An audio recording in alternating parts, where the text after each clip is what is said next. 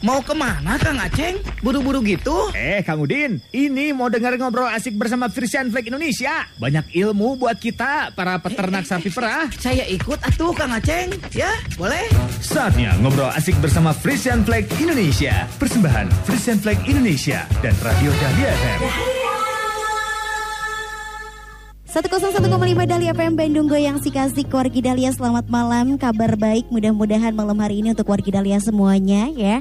Hari Jumat malam seperti biasa Wargi Dahlia barusan udah pantengin ataupun udah dengerin. Kalau di Jumat malam ini ada program khusus spesial banget Yang selalu hadir setiap dua minggu sekali di 101,5 Dahlia FM Kalau gitu Wargi Dahlia pasti udah pada tahu ya program Radio Bewara Frisian Play Indonesia. Di mana program ini merupakan program pengembangan para peternak sapi perah Indonesia agar bisa menjadi peternak yang lebih berkualitas, bisa menjadi peternak yang sejahtera dan juga bisa menghasilkan susu yang berkualitas juga ya. Jangan lupa juga nih ya untuk kawan peternak yang malam hari ini lagi pantengin yang via radio, streaming ataupun yang sedang bergabung bersama kita via Zoom. Kalau mau bertanya seputar tema kita malam hari ini boleh di save dulu saja nomor WhatsApp Radio Dahlia FM di 0811 222 1015. Sekali lagi di 0811 222 1015. Temanya apa sih Baby Alia malam hari ini udah siap nih katanya pengen nanya sama narasumber yang luar biasa malam hari ini. Nah, temanya adalah saatnya disiplin menerapkan biosecurity di kandang. Nah, ini nih ya perbincangan yang sangat penting untuk disimak selama satu jam ke depan karena Baby Alia juga nggak sendirian. Bakalan ditemenin sama narasumber yang sudah hadir di studio Radio Dahlia FM ada Kang Rikrik M Rizky selaku DDP Extension Manager Jawa Barat PT Fashion Flag Indonesia. Wilujeng Wengi Kang Rikrik. Alhamdulillah masih inget Jalan Burangrang ya. Kang Rikrik boleh disapa dulu kawan peternak yang lain yang ada di rumah ataupun yang ada di jalan, mangga. Ya Wilujeng Wengi, selamat malam bagi yang bukan di Jawa Barat ya. Jadi eh, senang bisa ketemu lagi ya Teh. Mm -hmm, betul. Jadi eh, hujan-hujan Uh, mudah-mudahan lancar lah ya. Amin. Walaupun lagi kedinginan di Lembang, Pangalengan dan sekitarnya, tapi malam hari ini dihangatkan dengan informasi yang sangat penting juga karena di sini sudah hadir Dokter Ius Setiawan, dokter hewan ya, selaku Kasubag Kesehatan Hewan KPSBU Lembang. Selamat malam Pak Dokter Ius. Selamat malam. Kumaha Damang? Alhamdulillah saya. Alhamdulillah Pak Dokter juga terakhir ke main ke studio udah dari tahun lalu mungkin ya enggak pas PMK juga. Oh iya iya. Oke okay, oke, okay. tapi hadir di sini baru-baru sekarang lagi ya. Terakhir lewat Zoom kan ya? Iya. Iya. Akhirnya bisa ketemu lagi nih sama Dokter Ius. Boleh disapa dulu nih kawan peternaknya, Dokter Ius, mangga silakan. Ya, selamat malam, berjumpa Kang bahasa Sunda. Buat, ya. buat semua uh, uh, wargi uh, Dahlia ya. Jadi mm -hmm. alhamdulillah kita bisa uh, ketemu di acara yang spesial ini alhamdulillah kita bisa uh, silaturahim sambil kita berbincang-bincang masalah uh, peternakan ya. Betul sekali ya. Lebih jelasnya hari ini kita membahas saatnya disiplin menerapkan biosecurity di kandang. Kang Rikrik, ini tema waktu itu pernah sempat kita bahas di tahun lalu ya. Tapi boleh diingatkan kembali kenapa ini tema masih selalu menjadi topik yang penting untuk kita bahas di acara Radio Bawara ini, Kang? Ya sebenarnya tahun lalu kita tidak spesifik ke biosecurity ya seingat saya. Jadi mm -hmm perlu dipahami biosecurity itu bukan satpam biologi ya bukan gitu. Jadi dia kayak semacam bagaimana kita menerapkan uh, sistem di kandang itu tidak terkontaminasi oleh apa pun yang ada di luar intinya yeah, gitu ya okay. gitu. Apa pun itu ya terutama penyakit ya gitu. Mm-hmm. Jadi uh, memang uh, kita ingin dari dulu sebenarnya ngangkat tema ini tapi sekarang momentumnya lebih pas gitu ya. Kemarin teman-teman peternak uh, baru selesai dilanda badai besar gitu ya, yeah, yeah, yeah. yang ada hubungannya dengan biosecurity gitu. Oh, Jadi okay. saatnya ke depan ini dijadikan kebiasaan gitu mm -hmm. ya. Uh, dari yang paling sederhana saja pada walaupun sebenarnya biosecurity itu kan banyak ya aspeknya gitu. Mm -hmm. Ya kita bisa menerapkan dari yang sederhana-sederhana dulu aja lah nanti kita bisa bahas mm -hmm. seperti apa. Saya sih mimpinya ke depan peternak di Indonesia itu kayak peternak di luar ya. Jadi yeah, kalau yeah, ada yeah. orang masuk itu sudah mereka sudah tahu tuh mm. harus ngapain gitu. Kalau okay. ada orang luar mau ke kandang dia gitu. Mm. Tanpa harus meribetkan orang lain tetapi mm -hmm. kandang dia juga aman. Gitu. Oke, oke, oke, keren banget ini ya. Tapi sebelum kita ngobrol lebih lanjut lagi, Pak Dokter Ius boleh nggak diingetin lagi, dijelaskan sama kawan peternak semua, biosecurity itu sebetulnya apa dan cara menerapkan biosecurity di kandang itu juga seperti apa sih Pak Dokter? Ya baik ya. Eh, sebenarnya istilah biosecurity ini udah muncul di Indonesia sejak eh, kita banyak sekali uh, menerap apa ya peternakan segala macam peternakan yang ada di Indonesia yang mulai dari unggas, sapi, babi ya, dan sebagainya. Ah, jadi tindakan-tindakan yang berusaha untuk mencegah keluar masuknya suatu penyakit menular dari suatu peternakan itu adalah biosecurity. Jadi bukan hanya mencegah masuk tapi juga mencegah penyebaran keluar. Nah, ini jadi jangan sampai eh, berpikir bahwa ini biosecurity itu mencegah ke dalam. Padahal kita lupa kita juga bawa penyakit itu ke re- iya. ke kandang-kandang yang lain gitu ya. Jadi usaha-usaha ini eh, tidak hanya menutup untuk mencegah masuk, tapi mencegah supaya penyakit menular itu tidak sampai menyebar ke tempat yang lain. Mhm, Mungkin Oke. yang paling sederhana, yang paling sederhana misalkan ini contohnya misalkan uh, menjaga kebersihan uh, atau lalu lintas orang yang masuk maupun keluar dari sini bukan hanya orang juga ada di situ juga ada sapronak ya sarana produksi peternakan misalkan ada pakan masuk rumput uh, kemudian juga ada apa lintas uh, air dari mana dan sebagainya kita harus perhatikan supaya jangan sampai membawa bibit penyakit satu hal kita pelajaran berharga dari penyakit PMK kemarin ya penyakit menular sangat menular kemarin itu sangat ditentukan karena kita lengah terhadap masalah ini. Gitu ya. Iya. Jadi kandang yang berdekatan, istilahnya lalu lintas orang tidak terkendali, limbah cair ke mana-mana, misalkan dan eh, itu sangat memudahkan penyebaran penyakit dan itu kita lengah waktu itu sehingga eh, penyebaran penyakit ini sangat hebat dan masif ya. Oke. Itu jangan sampai nanti ke depannya ini menjadi pelajaran berharga, jangan sampai ke depannya nanti jangan terjadi lagi. Nanti kita mitigasi apa-apa saja yang harus kita lakukan supaya eh, penyakit apa pun ya, penyakit apa pun itu tidak mudah penyebarannya di lingkungan peternakan kita. Oke baik, kalau Dokter Ius sendiri mungkin di lapangan ada beberapa peternak yang sudah menerapkan biosecurity ya. Tapi boleh diceritakan nggak sama peternak yang lainnya manfaatnya untuk peternak sendiri maupun untuk sapi perahnya jika kita menerapkan biosecurity di kandang? Manfaatnya jelas ya. Jadi artinya yang satu tadi konsepnya bahwa untuk mencegah penyebaran eh, penyakit itu masuk, berarti kandang eh, peternakan lokasi peternakan eh, yang dikelola oleh peternak itu terhindar atau minimal meminimalkan masuknya penyakit berbahaya ke tempat kita. Itu yang paling Oh, utama karena iya. mencegah itu lebih Baik, baik ya. dan lebih murah daripada mengobati. Iya, ya. iya. Jadi eh, pengobatan ma- kemarin aja PMK itu sangat besar dan hasilnya pun tidak terlalu baik karena kita namanya penyakit menular itu sulit dikendalikan dengan obat-obatan. Jadi Mhm. eh, untuk khusus- khususnya untuk PMK. Jadi kalau misalkan ada tapi di tempat saya sebagai contoh ada kandang-kandang yang emang terisolir jauh dari tempat yang lain, jauh Mhm. dari penyebaran penyakit utama itu malah tidak terkena. Dan Oh. alhamdulillah sampai sekarang sapinya tidak ada yang diafkir. Ya Wow. itu satu satu contoh eh, apa namanya penyebaran penyakit kita bisa cegah dengan cara eh, tadi apa desinfeksi dan lain sebagainya sehingga manfaatnya pasti cukup besar karena ini hitung-hitungannya kalau sudah kena apalagi penyakit menular sangat cepat dan mematikan itu bisa merugikan peternakan dalam waktu yang cepat juga. Oke baik ya. Ini penting sekali untuk dibahas Terutama untuk kawan peternak yang saat ini sedang mencoba untuk bangkit setelah PMK kemarin ya Supaya nanti tidak terjadi hal yang sama di kemudian hari. Makanya jangan ke mana-mana tetap disimak obrolan seru kita untuk hari ini Di Radio Bora Frisian Flag Indonesia Dengan tema saatnya disiplin menerapkan biosecurity di kandang ya. Nih ada sesuatu yang spesial juga untuk episode malam hari ini. Kawan peternak siap-siap ya dengerin. Ini ada mini drama persembahan dari Radio Bora Frisian Flag Indonesia. Assalamualaikum Kang Heri. Waalaikumsalam. Kang Nanang. Punten ih mengganggu. Mangga Kang, aduh menit tumben mampir. Ada yang bisa bantu Kang Nanang? Ah biasa, habis cari rumput tadi. Terus kepikiran mampir ke sini. Udah lama tuh dah kita teh nggak ngopi bareng. Sekalian saya teh mau tanya-tanya Kang. Boleh ya? Kayak sama siapa aja, ya pasti boleh atuh. Mau tanya soal apa sih Kang Nanang teh? Gini Kang, saya perhatiin sapi-sapi Kang Heri teh sehat-sehat semuanya. Asa jarang sakit. Pas kemarin ramai PMK juga. Sapi-sapi Kang Heri teh kayaknya cuma dua yang kena ya. Itu ge meni asa cepet sembuh teh. Sementara sapi-sapi saya mah asa sering banget sakit teh. Hari ini sapi saya kena mastitis Kang. Minggu depannya kena lagi yang satunya. Kayaknya nggak selesai-selesai. Padahal mah ya Kang, saya teh selalu rajin jaga kebersihan di kandang. Tapi kenapa tuh ya sapi saya teh sering pada sakit? Hmm, kayaknya yang saya lakukan mah sama aja sama yang Kang Nanang lakukan. Yang penting disiplin menerapkan biosecurity di kandang. Seperti yang suka dilaksanakan oleh Kang Keswan geningan. Biosecurity. Apaan eta teh Kang? Susah nggak sih Kang nerapinnya? Saya aja bisa kok.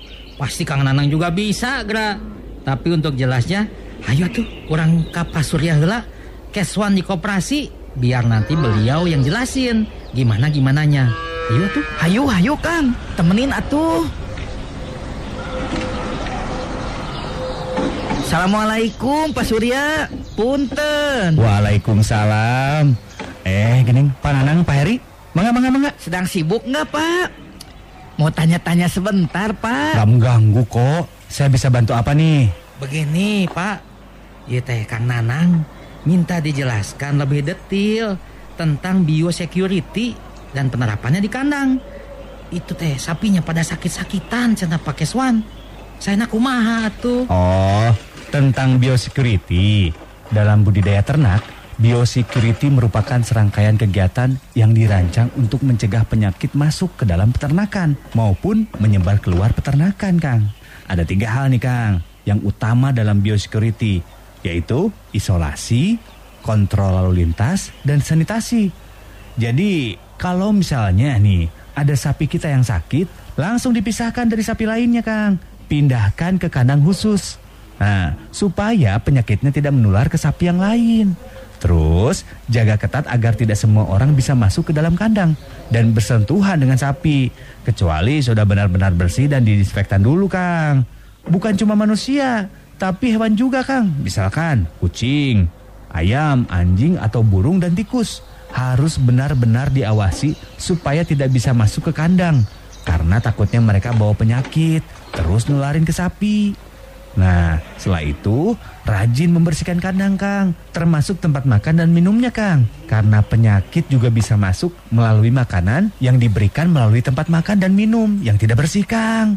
Begitu. Oh gitu. Kayaknya teh mudah ya Pak. Sebenarnya tidak susah, Kang. Yang penting Akang disiplin dan menerapkannya terus di kandang. Pasti bisa kok. Kang Heri aja bisa tuh. Buktinya sapi-sapi Kang Heri sehat-sehat terus ya, ya Kang? Eh, alhamdulillah, Pak. Memang yang penting itu disiplin dan dikerjakan terus, Kang Nanang. Oke, Kang Nanang? Oke atuh Pak. Terima kasih banyak buat penjelasannya. Kang Heri, omatnya bantuan saya buat rajin dan disiplin. Gak cuma nonton, Wargi juga bisa streaming siaran radio Dahlia FM di aplikasi video, video, video, video, video. Dahlia.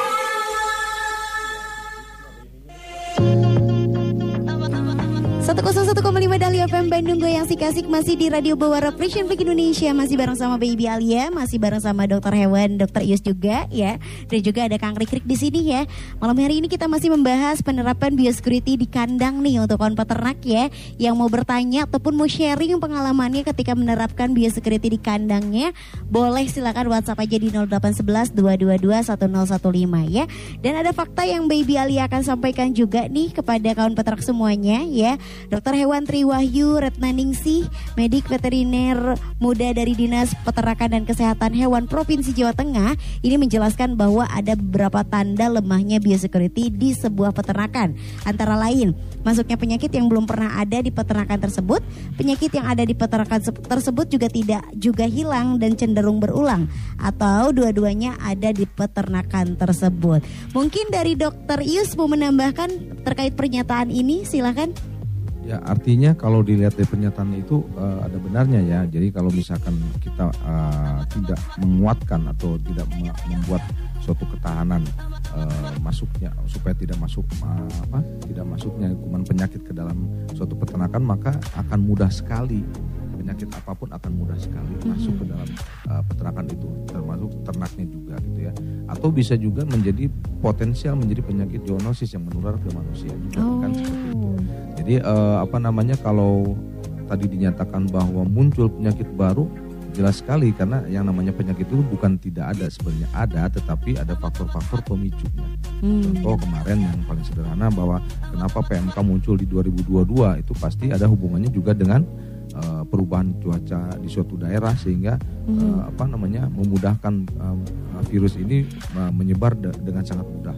Apalagi ditunjang dengan lalu lintas ternak yang emang tidak terkendali waktu itu bisa keluar masuk daerah sangat uh, apa masif sekali ya kalau dari Lembang ke mana keluar uh, Lembang kemudian juga dari Jawa Tengah Jawa Timur masuk ke Lembang dan tidak ada upaya-upaya misalkan uh, mitigasi misalkan oh ini ada gejala apa sebenarnya Mhm. Nah, itu sangat mudah terjadi. Jadi penyakit baru maupun penyakit lama akan sangat mudah muncul pada suatu peternakan yang tidak menerapkan prinsip-prinsip biosecurity tadi.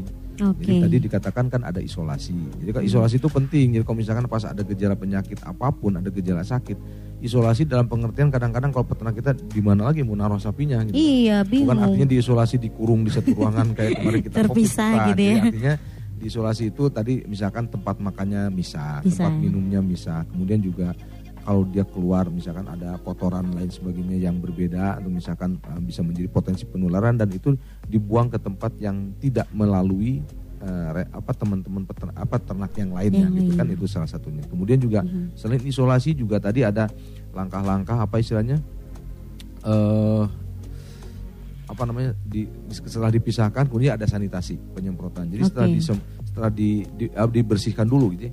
Yang biasanya yang salah, yang ada titik salahnya itu pada saat kita bilang harus dibersihkan. Kita udah nyemprot tapi kok kena juga. gitu. Mhm. Nah ini yang jadi masalah kenapa ada karena ada ada satu tahap daripada biosecurity yang terlewati yaitu bahwa eh, kuman penyakit ini adalah makhluk hidup.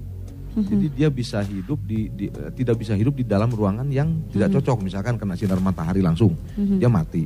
Kena zat kimia yang dia nggak cocok juga mati. Misalkan zatnya asam, dia mati juga. Atau desinfektan yang zat kimia lain, dia bisa mati juga. Tetapi masalahnya kalau kuman itu ada nempel di dalam kotoran, di dalam kencingnya dia, di dalam ingusnya, kemudian kita tidak membersihkan kotoran itu, lah kita cuma nyemprot aja, artinya kuman itu terlindung di dalam bahan biologis lain. Oh, nah ini jadi masalah. iya, iya. Kenapa? Karena suatu waktu ada misalkan, sa- walau, waduh kita udah semprot pak, ini kejadian betul. Jadi Hmm. kalau sapi kandang udah dibersihkan, udah dikosongkan, terus masuk hewan baru, Hmm. tiga hari hewan itu kena juga. Kenapa? Karena virusnya masih ada di situ, masih hidup. Hmm. Kita nyemprot hanya virus yang lalu apa lalu lalang dilewat aja, tapi yang nempel di tembok, di besi, di mobil sekalipun, di mobil yang bawa ternak itu yang jadi masalah besar.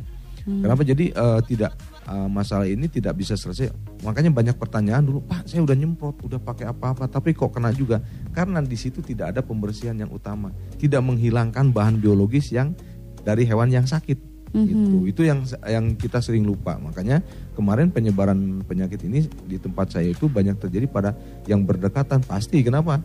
Orang masuk situ, sepatu Iya. botnya nginjak situ, kemudian juga bekas darah lain sebagainya nempel ke mana-mana dan itu luput dari dibersihkan sehingga pas waktu ah kita udah nyemprot ternyata ada misalkan ada sapi baru baru lahir dan sebagainya itu cepat kenanya karena Oke. virusnya udah cak bahasa Sundanya apa ngadodoho ya Ayo, ayo, Cina kata virus situ ya. gitu. udah nunggu lengahnya Nah, ting- lengahnya dia tinggal masuk aja Nah, itu. jadi langkah-langkah tadi yang emang eh, harus dilakukan secara eh, apa namanya runut ya biar Mhm. jangan dilewat kalau ada lewat kita evaluasi lagi tadi di apa di apa di dramanya disebutkan kok sapi saya ada mastitis Iya, katanya ada iya, radang iya, iya. pada ambing nah biasanya ini paling sering karena udah biasa mastitis maka dianggap hal yang biasa Mhm. Padahal eh, mastitis itu bukan misalkan nular dari sapi tetangganya bukan, padahal ya peternaknya kadang-kadang ya merahnya kadang-kadang saya pernah, pernah lihat ada peternak yang tangannya luka terus dikasih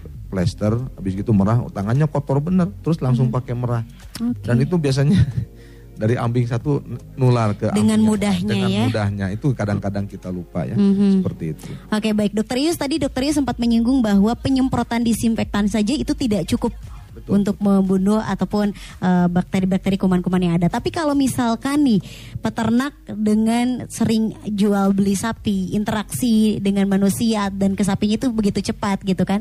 Ada trik-trik khusus nggak supaya biosecurity yang bisa diterapkan secara sederhana itu yang seperti apa? Eh, sekarang ada ketentuan ya ini karena masalahnya bukan masalah sek, apa regional lagi tapi sudah masalah nasional, Nasional, juga ya. Ya, oke. jadi eh, pemerintah pusat turun tangan eh, eh, untuk mengatur lalu lintas ternak ini. Mhm. Salah satunya yang sekarang yang sekarang ini kita giat lakukan adalah penandaan hewan-hewan kemudian eh, yang setelah divaksin. Nah ini penting ya, kenapa kalau vaksin itu kan eh, artinya menimbulkan kekebalan supaya penyakit-penyakit itu tidak mudah masuk. Emang tidak banyak vaksin yang bisa di, tidak semua penyakit ada vaksinnya misalkan. Besok lusa karena ada vaksin, besok supaya nggak mastitis dikasih vaksin mastitis. Jadi vaksin itu ditujukan kepada penyakit-penyakit yang strategis ya. Oke. Terutama nanti ada PMK, ada LSD, ada antrak dan sebagainya. Itu penyakit-penyakit yang sangat mudah menular dan eh, mempunyai potensi kerugian yang sangat besar secara ekonomis. Jadi penyakit-penyakit ini yang nanti masuk program pemerintah untuk divaksin. Nah, salah satu tadi untuk eh, lalu lintas ternak itu bo- artinya kan gini. Orang kalau dilarang, Pak, jangan jual sapi ke sini, pasti kan mikir ini kan usaha kita. Iya. Masa kita nggak boleh jual beli sapi kayak gitu. Betul. Nah, boleh, cuman nanti ada prinsip yang harus dilakukan. Tadi boleh bahwa misalkan uh, setelah bawa sapi ya mau jadi dicuci. Dicuci itu bukan hanya disemprot, minimal dipakai sabun. Artinya ada bekas kotoran, ada bekas ludahnya sapi itu sampai nggak ada di mobilnya dia. Itu potensi yang harus diperhatikan sama uh, pedagang sapi ini. Nah, kandang dia kan kandang jual beli ya. Iya, Kandang iya. jual beli itu sangat riskan. Artinya bisa masuk sapi dari beberapa daerah, simpan di situ kemudian dia dengan cepat pindah lagi ke tempat lain. Nah, kandang-kandang dia tuh emang har, karena pedagang kan nggak mungkin kandangnya cuma satu dua. Iya, iya, nah, iya. kan dia itu harus punya kandang isolasi yang tadi diterapkan biosecurity gitu. Oh. Jadi kalau pedagang itu minimal kalau ada ins- prinsip apa istilahnya di industri itu ada first in first out. Iya. Jadi kalau misalkan ada sapi masuk ya di diisolasi dulu, jangan misalkan oh ini sapi baru datang boleh jual, diperhatikan dulu itu. Apakah muncul gejala nggak setelah beberapa hari. Nah kalau misalkan nah ini emang faktor kejujurannya kalau emang sakit ya jangan dijual dulu gitu maksudnya ya. Jadi ya, terutama di kandang yang ser- sangat sering keluar masuk mohon diperhatikan ada kandang isolasi tujuannya untuk supaya mengenali penyakit ini lebih awal sama-sama. Jadi si peternak yang beli tidak dirugikan, yang jual pun dia akan untung karena jangka panjang oh Betul. ini dipercaya nih rapi, bersih dan misalkan eh, jarang sekali sapi-sapi itu sakit dari kandangnya dia. Itu kan untung bagi Iya, penjual iya, juga iya. sebenarnya ya. Kemudian juga setelah ada isolasi tadi rutin dilakukan pembersihan secara eh, periodik terutama Oke. kendaraan, pengangkut, kemudian juga eh, apa namanya kandang-kandang sapi sehatnya juga eh, apa dibersihkan. Minimal pembersihan itu nggak mesti nyemprot tiap hari.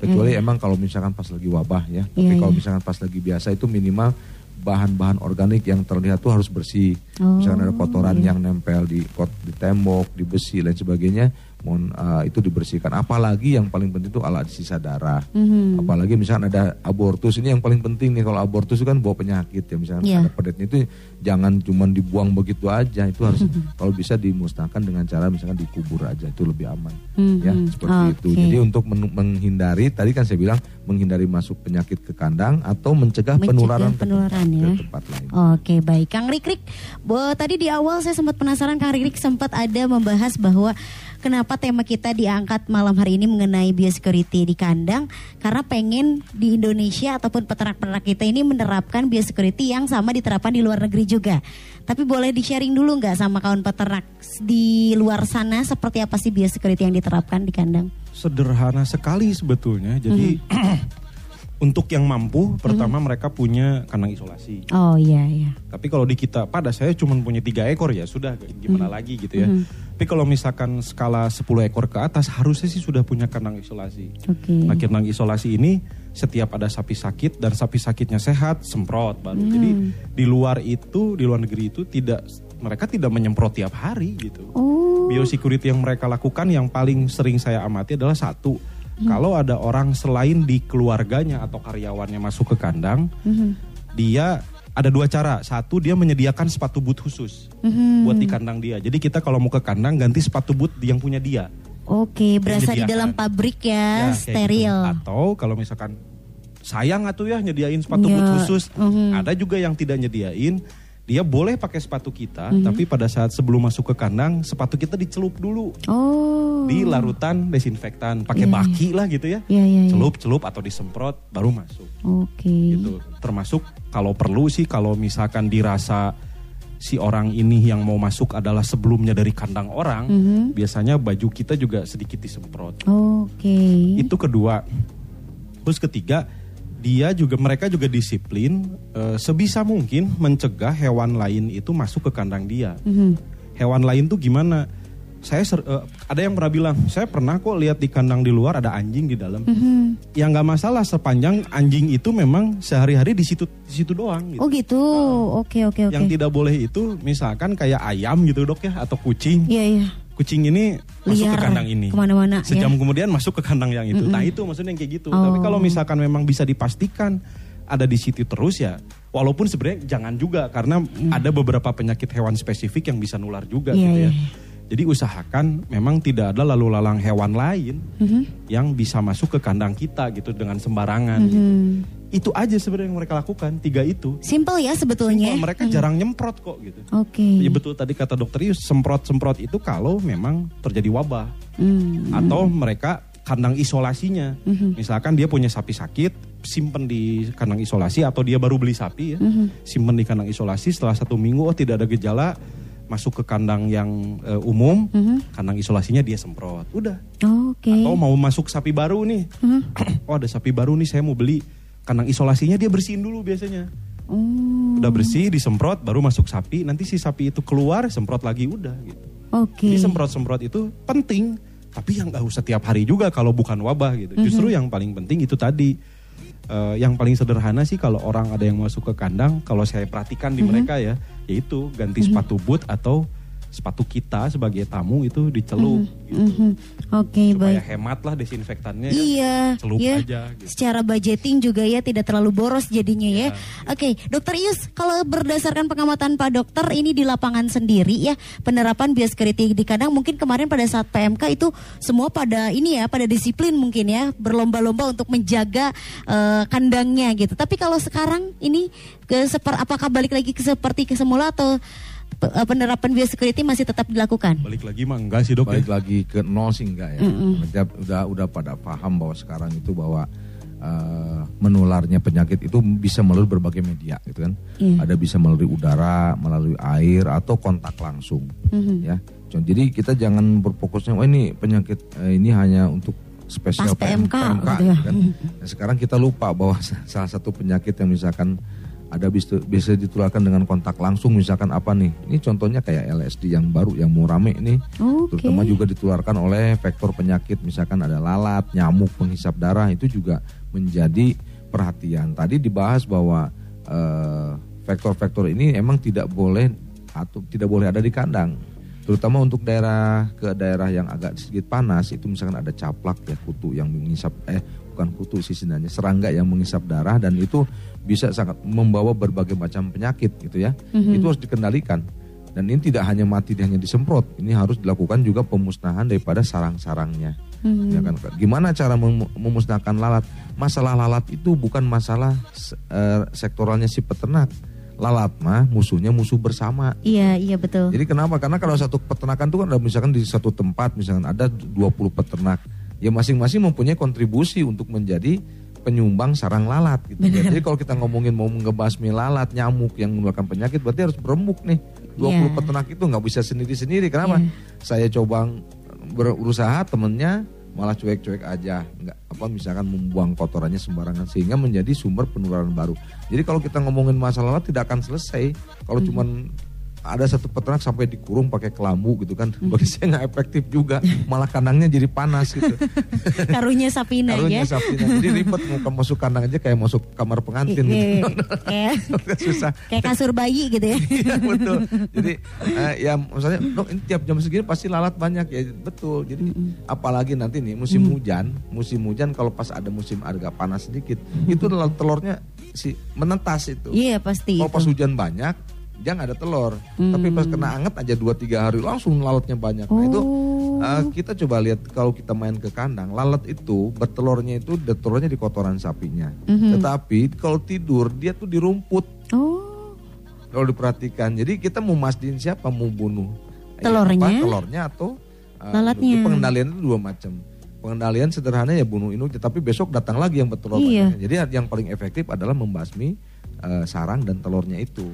Nah biasanya kalau saya lihat ada uh, ada jasa privat untuk uh, apa pembersihan nama eh, serangga ya. Mereka tuh kalau datang ke suatu tempat misalnya satu pabrik yang di eh, supaya nggak banyak lalat, mereka tuh akan cari radius berapa ratus meter dari kan dari tempat lokasi. itu. Hmm. Jadi misalkan dia cari 50 meter cari oh ini ada tempat numpuk nih kotoran. Nah, di situ dia cari udek-udek tuh. Ada telurnya langsung boleh. semprot di situ. Oke. Gitu tekniknya. Jadi ini salah satu langkah biosecurity juga karena masuknya penyakit bisa dilalui juga dengan tadi adanya vektor penyakit. Nah, vektor tuh banyak, misalkan ada tikus. Tadi ya tikus juga ada. Tikus kan suka itu di, di tempat pakan tuh ya. Iya, iya. Kemudian juga jangan lupa di situ ada hewan yang agak besar, anjing, kucing dan sebagainya. Kemudian juga nyamuk, lalat udah pasti. Ya, kemudian juga eh, yang rekan di Jawa Barat juga yang di daerah dingin harus hati-hati.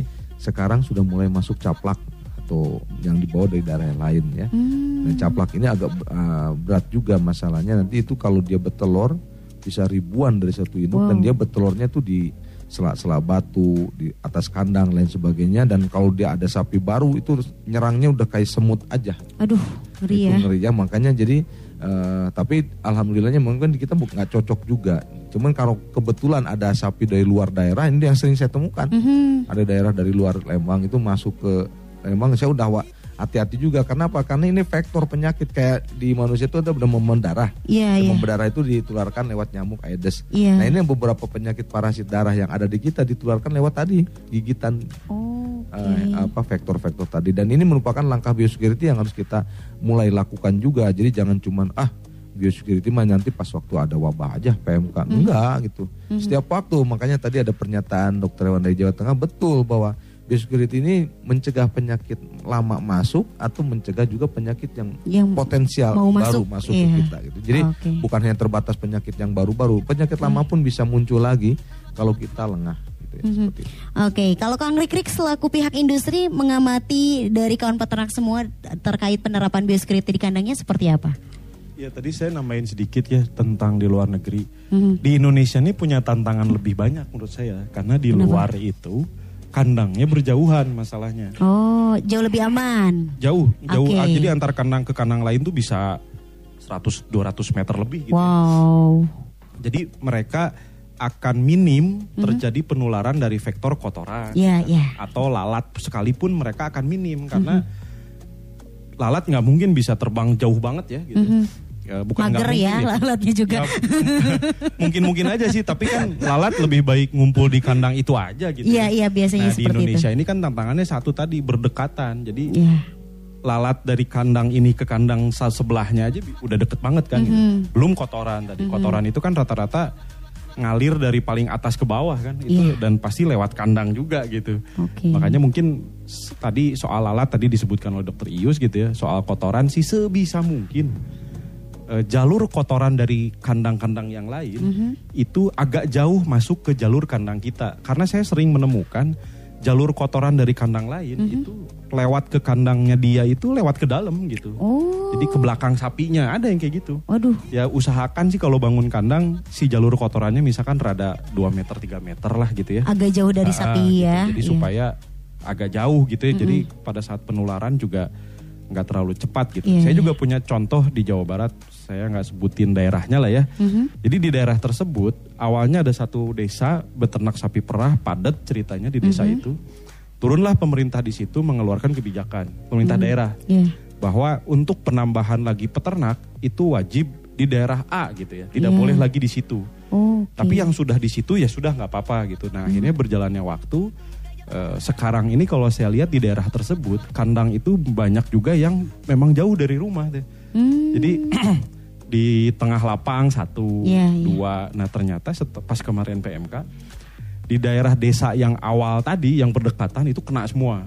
Oke. Tapi yang berjauhan ini aman. Aman? Heeh, karena Oke. memang ya itu tadi gitu walaupun dia tidak disiplin kasarnya eh, biosecurity-nya. Iya, iya. tapi karena jauh orang juga malas berkunjungnya ya. Betul.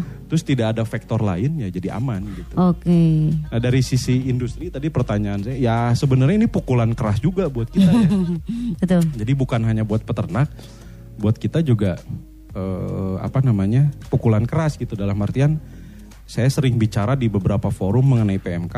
Mungkin dari sisi penyakitnya PMK itu bisa dibilang oh tidak terlalu mematikan, Mhm. tidak terlalu berbahaya, penularan cepat iya, tapi menurut Cepat saya sih sembuhnya katanya ya. Ah, jadi menurut saya sih PMK tuh kemarin penyakit ekonomi sih dok ya gitu. Betul betul. Kalau menurut saya karena peternaknya justru yang riuh gitu ya. Iya. Kebayang itu dari dari 5 ekor yang tadinya menghasilkan 100 liter tiba-tiba jadi 20 liter. Iya, gitu. iya. Itu hilang berapa uangnya gitu. Iya betul. Penyakit ekonomi nah makanya ya dijaga lah gitu ya. Maksudnya Mhm. Mulai dari sekarang memang tantangan tadi di Indonesia agak sulit karena berdekatan tapi setidaknya dengan kita menerapkan biosecurity yang cukup Mhm. sederhana minimal mungkin penyebarannya tidak terlalu cepat gitu ya. Betul Terutama sekali. tadi sih kalau sapi dari luar ya. Mhm. Beli sapi itu tolong berhati-hati gitu ya. Iya iya iya. Misalkan bagus ya oke bagus beli tapi usahakan perhatikan gitu ya. Terus bersihkan dulu. Lalu tadi kata dokter Yus tempat minumnya dipisah, tempat pakannya gitu. Itu Mhm. diperhatikan kalau kira-kira ada tanda-tanda nggak bagus segera lapor gitu. Iya Kita baik. nggak pernah tahu sapi di luar kayak apa gitu. Bener ya, luar biasa. Tapi se- poin penting yang dibahas oleh Kang Rikrik tadi untuk kawan peternak yang ada di Jawa Barat, Jawa Tengah, Jawa Timur tidak perlu berkecil hati ketika mempunyai lahan yang terbatas juga ya, karena itu masih bisa diantisipasi dengan penerapan biosecurity tadi ya. Ya minimalisir mungkin membuat nol sama sekali sih saya rasa mungkin agak sulit ya. Iya, Tapi betul. ya setidaknya meminimalisir ya eh, Betul. dengan seperti itu. Betul sekali ya. Nanti kita akan lanjutkan lagi pembahasan obrolan seru kita malam hari ini. Jadi jangan ke mana-mana, tetap di Radio Bawara Frisian Flag Indonesia. 101,5 Radio Dahlia FM. Radio nomor 1. 1. Di Bandung. Streaming siaran Radio Dali FM lewat aplikasi Jum. Nah, ini dan sudah disampaikan sama koperasi itu minimal SOP standar yang harus kita miliki. Oke. 101,5 Dali FM Bandung Goyang Sikasik masih di Radio Bora Presiden Flag Indonesia untuk segmen terakhir ini ya. Dan pastinya juga ini pertanyaan-pertanyaan dari wa, eh, wargi Dahlia kawan peternak yang sudah masuk juga banyak sekali. Eh, kita bacakan beberapa nih Pak Dokter dan juga Kang Rikrik ya. Ada Rumi eh, dari mana ini KPSBU Lembang. Pak Dokter boleh nggak ada rekomendasi mineral yang paling oke untuk imun sapi pedet sampai laktasi itu seperti apa katanya? Eh, kalau imunnya sapi bagus itu tidak akan terkena penyakit-penyakit yang baru-baru. Apakah itu termasuk biosecurity juga? Eh, kalau imun ah, ini ini tipikal istilahnya gini. Kalau misalnya kita ngomongnya banyak tapi ya udahlah pakai yang instan aja. Hmm, Obatnya iya, apa? betul, Gitu kan. betul. Obatnya ya udahlah apa? perlindungan dari dalam saja, Ya, cina gitu ya. kadang-kadang kan gitu. Itu kan kalau misalkan bersihin tuh lama ya udah pakai obatnya apa ya? Iya. Amin ya. Bagus. Jadi ada satu sisi eh, peng- penguatan ya. Konsepnya adalah tadi bahwa penya- konsep penyakit itu ada tiga ya. Satu vektor, dua eh, apa istilahnya eh, spesiesnya atau hewannya, ketiga adalah bibit penyakitnya. Nah kalau misalkan salah satu nggak ada nggak jadi penyakit. Contoh sederhana, PM, virus PMK-nya ada, kemudian eh, lingkungannya mendukung, tapi nggak ada sapinya yang ada PMK. Jadi harus tiga, tiga, tiga segitiga ini ada maka muncul artinya hewannya lemah, sakit-sakitan atau misalkan mudah sakit, kemudian ada PMK yang virus lemah pun kemudian lingkungannya mendukung itu sangat mudah terjadi penyakit. Nah tadi konsepnya bahwa eh, penguatan ini bisa di, eh, ada virusnya, lingkungannya mendukung tapi hewannya lebih imun artinya yang saya tangkap begitu. Nah ini sebenarnya tidak ada mak- eh, sumber nutrisi itu ingat ya sumber nutrisi itu kan ada lima macam. Mhm. ada sumber eh, karbohidrat protein lemak mineral dan jangan lupa satu lagi adalah air. Oke. air itu nutrisi. Jadi kadang-kadang kita cuma cukupin tadi rumput konsentrat air teh nggak ada. Jangan lupa ini air itu nutrisi. Nah mineral itu sebenarnya tidak ada tidak ada mineral baku kayak orang misalkan harus minum vitamin C gitu Mhm, kalau di sapi itu enggak karena dia lebih kita kalau ingat konsepnya kembalikan mereka lebih alami itu lebih Iya, iya, iya. lebih alami. Artinya gini, kalau sekarang kita beternak sudah sangat modern tapi kealamian sapinya dilupakan misalkan ya udah tinggal tanya aja berapa persen hijauan yang hidup dan segar yang diberikan ke sapinya. Itu udah merubah sifat alam. Mhm, betul. Dan itu merubah sangat dan apa efeknya ke sapi? Stres. Iya, iya, iya. Stres itu malah menjadi faktor pemicu paling tinggi terjadinya penurunan imun. Oh iya, betul. Stres itu bukan cuman kalau di orang stres pikiran, mau sapi bukan pikiran. stres misalkan nggak ada makanan, Iya, nggak ada, nggak ada minum, air, iya. ya cuacanya ekstrim, Mm-mm. kemudian juga makannya berganti-ganti, makanannya berubah-ubah, misalkan atau abis stres habis melahirkan itu stres fisik bagi sapi dan itu harus kita minimalkan. Misalkan apa stres misalkan yang paling sederhana. Kalau habis melahirkan kan capek, capek. Habis melahirkan banyak keluar darah. Berarti yang harus kita tambah apa? Nutrisi yang memang menambah energi protein supaya darahnya cepat pulih lagi. Yang kedua, air harus ada. Karena kalau sapi dehidrasi mudah sekali juga terserang penyakit Mhm. pencernaan dan lain sebagainya. Mhm. Itu mungkin uh, kalau mineral itu saya nggak bisa sebutkan mungkin ini harus pakai A, B, C enggak ya. Mhm. Jadi artinya yang penting tadi konsepnya bahwa kembali lagi ke alamiah sapi itu akan uh, lebih mudah difahami dan ini konsepnya sudah banyak dibahas sama uh, FFI juga ya. Iya. Sudah banyak bagaimana membuat uh, sapi itu makannya lebih uh, alami artinya sesuai dengan kebiasaannya dia dan mengurangi Mhm. stres. Oke baik ya sebelum dilanjut Baby Alia ingatkan untuk yang di rumah yang mau hadiah persembahan dari Precision Flag bisa siap-siap dari sekarang telepon di 73028 atau di 7311710 nya Kang Rikrik ada tambahan nggak? Ini juga pertanyaan yang sama juga hampir banyak ditanyakan ada obat yang spesifik nggak untuk bisa eh, melakukan biosecurity dari dalam mungkin ya tanggapannya gimana Kang Rikrik Ya dengan sama sih pertanyaan mungkin ini? Teh Rumi ya kemarin ikut sesi sama peternak Belanda ya. Mhm. Saya dengerin dari Zoom kemarin dok gitu. Banyak yang nanya, ada apa vitamin apa? Peternak Belanda jawabannya apa? Apa? Rumput, rumput, rumput. Mereka jawaban mereka cuma gitu. Kenapa? Karena tadi eh, semakin mendekati alamiahnya mereka, Mhm. sapi akan semakin kuat itu. Oke karena merasa nyaman ya. Dah susah atau Indonesia ya minimal semakin mendekati tadi. Kalau Oke. mau seperti di alamnya kan nggak mungkin Nggak ya. mungkin, ya. Kalau mau seperti di alamnya udah lepasin aja sapi kita ke hutan beres gitu dok ya. Hilang aja gitu. Ini enggak maksudnya di- didekatkan gitu. Di, di, di seminima se- sedekat mungkin dengan alamiahnya dia. Itu kayak kemarin ada yang nanya tempat pakan kenapa nggak boleh tinggi? Coba lihat sapi alamiahnya. Apakah sapi makan di hutan pakai meja? Kan Enggak, enggak. Pasti di bawah gitu. Makanya Pakai kita piring pun enggak ya. Ah, Makanya kita menyarankan kan selama ini dok ya tempat pakan sapi itu di Lebih bawah. rendah ya. Hmm. Itu hal-hal seperti itu sih sebenarnya. Mhm. Karena obat tertentu, vitamin tertentu malah menjadi biaya menurut saya. Betul sekali ya. Tambahan mungkin. Boleh, boleh, dokter. Kemarin uh, beberapa waktu yang lalu kita ada kedatangan tamu dari uh, FAO ya, dari Mhm. Badan uh, Pangan Dunia ya, atau Badan Kesehatan Dunia maaf. Uh, itu ada sempat pertanyaan yang sama muncul gitu kan dari Mhm. kalangan peternak maupun kalangan praktisi juga. Ini gimana sih? Apa sih obat yang paling ini untuk PMK? Jawaban mereka cuma nggak ada nil katanya, nggak ada. Oke. nggak sampai sampai dari dulu PMK sampai sekarang nggak ada belum secara dunia aja belum nggak ada obatnya maksudnya untuk obat mengurangi hilang itu virusnya mati tuh belum ada Mhm. bukan nggak ada belum ada ya sampai sekarang jadi tadi kembali ke konsepnya saya sangat setuju bahwa pengebalan hewan ya, sehat itu sangat potensial kita lakukan Ya. kalau lari ke obat mau pakai macam obat yang dipakai apa pun bunuh virusnya belum tentu menghilangkan gejala klinis Iya ya. karena misalkan virusnya mati tapi ya udah boroknya masih ada Hmm. kayak gitu kan. Kemudian juga eh, apa namanya ada gangguan-gangguan lain itu pasti ada. Mhm. Nah, itu kita ambil dari eh, kesimpulan pertemuan itu bahwa eh, betul apa kan kalau udah kejadian parah itu obat yang paling utama itu nggak ada, Iya. belum ada. Ada dok, afkir. itu bukan obat. Kesimpulan itu. Siap. Kita angkatin telepon dulu kalau sudah ada yang masuk untuk dapatkan hadiah dari Frisian Flag. Halo di Radio Bora Frisian Flag Indonesia. Halo. Halo, Sama siapa ini? sama Taufik. Sama Taufik, Siapa? Kang Taufik di mana Kang Taufik? Hidayah Kolot. Oh di Dayakolot ya. Coba boleh nggak sebutkan kalau dari tadi udah nyimak nih ya. Sebutkan ya salah satu manfaat yang bisa dirasakan peternak kalau menerapkan biosecurity di kandang. supaya tidak terjadi penularan penyakit dari luar ke dalam Ih pinter banget. atau dari peternakan ke luar. ya. Iya Pak Ius bener banget apa bener aja jawabannya? Ada benernya, ada benernya, nggak bener banget Cina ya, tapi nggak apa-apa kita kasih hadiahnya Kang Taufik. Selamat hadiahnya bisa diambil ke Radio Dahlia di jam kerja ya. Ya, makasih. Siap sama-sama.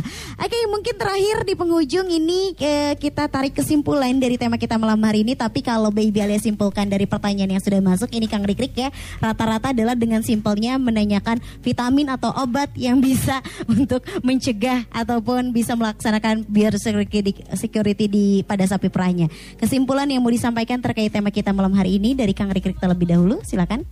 Satu, biosecurity itu sekarang kita sudah banyak yang tahu ya. Ya. Berarti kesimpulannya konsisten. Mhm. Itu yang sulit sebenarnya. Gitu. Jadi oh ada banyak biosecurity teh ya sebenarnya bisa diambil yang paling sederhana. Karena kalau mau tadi Kang Reza nanya, idealnya kayak apa sih biosecurity itu? Wah kalau nanya ideal mah Kang jelimet. Iya. Saya pernah memasuki satu farm besar gitu ya.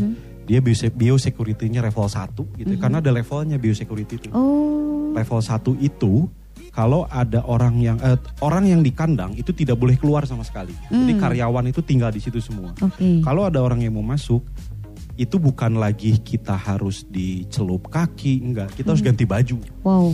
Ganti baju dan masuk ke kandang pakai baju astronot. Waduh. Itu itu level 1, itu jelimet kan Oke, kalau harus oke, kayak oke. gitu. Nah, makanya yang sederhana dulu, Mhm. tadi yang penting eh, vektor-vektor terbesar ya, Mhm. media-media terbesar kalau lalat mada memang agak susah tapi Iya. minimal dikendalikan. Mhm. Tapi yang besar-besar tadi kayak misalkan eh, kalau beli hewan kita hati-hati, Iya. kalau ada orang masuk mungkin bisa dicelup atau disemprot dan sebagainya. Mhm. Itu konsisten dulu sama betul tadi bahwa menjaga imun sapi itu salah satu biosecurity yang paling absolut menurut saya gitu. Oh iya. Imun sapi terjaga biasanya lebih sulit terkena penyakit. gitu. Iya, iya. Oh. Caranya gimana ya nggak ada obat khusus tertentu. Saya aja bukan dokter hewan bisa Mhm, jawab ya. mhm.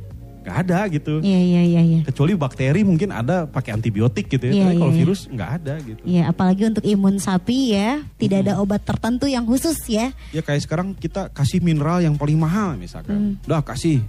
Tapi rumput sehari cuma dikasih 10 kilo ya. Terus gak dikasih minum sapinya ya. gitu. Jadi Boro-boro mood cina kata sapi jadi runtutannya panjang sebenarnya Iya, iya, tidak iya. hanya satu mineral terus selesai urusannya gitu. Mhm, Gitu Oke, sih baik. dari saya. Kalau dari dokter Ius kesimpulannya silakan.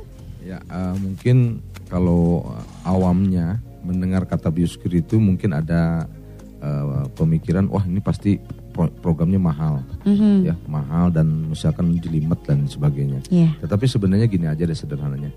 Eh, kalau kita punya keinginan supaya penyakit itu tidak masuk ke kandang kita atau kita tidak menularkan ke kandang yang lain, Mhm. pasti muncul ide-ide kreatif ya Kang Rikrik ya inti intinya gitu jadi sebenarnya eh, diskusi seperti ini hanya memberikan semacam gambaran encourage seperti itu dan bagaimana memikirkan karena tidak ada yang di Indonesia itu sangat beragam jangankan kita ngomong Indonesia lah Jawa Barat Jawa Barat pun misalkan Lembang aja kita ngobrol itu sangat beragam kalau kita mau menerapkan biosecurity jadi tidak ada biosecurity yang eh, benar-benar eh, bisa absolut tepat untuk semua.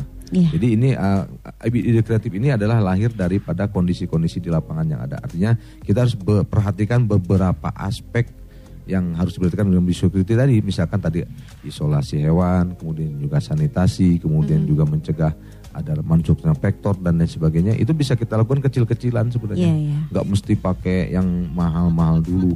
Kenapa kalau larinya ke pas mahal pasti nggak dilakukan Kang Rik. Mhm. Ya Oh. kalau udah Murah aja jatuhnya misalkan ini kalau dia hitung-hitungan biosecurity jatuhnya sekian, waduh mahal. mending mundur, mundur Jadi, alon-alon iya, betul. ya. Tapi kalau kita berpikir bahwa ini akan merugikan peternakan kita, pasti akan lahir ide kreatif. Dan Iya, ide iya. kreatif ini bisa dijadikan di-sharing dengan peternak lain sehingga menjadi eh, postulat di tempat itu gitu. Itu yang paling cocok bagi saya mungkin ya. Oke, itu. lebih baik mencegah daripada mengobati. Itu yang tadi Mbak Dokter Ius bilang ya. Jadi mudah-mudahan dengan apa yang materi disampaikan oleh Dokter Ius dan juga Kang Rikrik malam hari ini bisa diterapkan oleh kawan peternak semuanya dan pastinya bisa menjadi peternak yang jauh lebih bijak dan menjadi peternak yang sejahtera ya. Baby Alia, Kang Rikrik dan juga Dokter Ius harus pamit undur diri terlebih dahulu ya dan pastinya jangan lupa juga untuk kawan peternak semuanya tetap untuk membaca membaca tabloid Buara dan jangan lupa juga ya bisa mendengarkan siaran ulang siaran radio Buara melalui aplikasi Spotify di podcast Buara Frisian Play ya. Jangan lupa juga tunggu kehadiran kita ya di dua minggu yang akan datang di tanggal 18 November 2022. Semua hal yang disampaikan oleh narasumber ini telah dilakukan oleh banyak peternak dengan hasil yang baik. Jadi tinggal bagaimana peternak Indonesia berani dan mau mencobanya dan lakukan perubahan secara bertahap karena ingat kesuksesan itu butuh pengetahuan dan juga keberanian. Baby Alia pamit undur diri, panteng radio panteng Dahlia, perungah go go go goyang. Kang Udin, Kang Udin. Mo. Kang Udin mah, hayu atuh Kang pulang. Ngobrol asik bersama Frisian Flag Indonesia nya udahan. Terus gimana tuh saya? Tenang, ngobrol asik barengan Frisian Flag Indonesia bakalan balik lagi tiap hari Jumat dua minggu sekali. Persembahan Frisian Flag Indonesia dan Radio Dahlia FM. Dahlia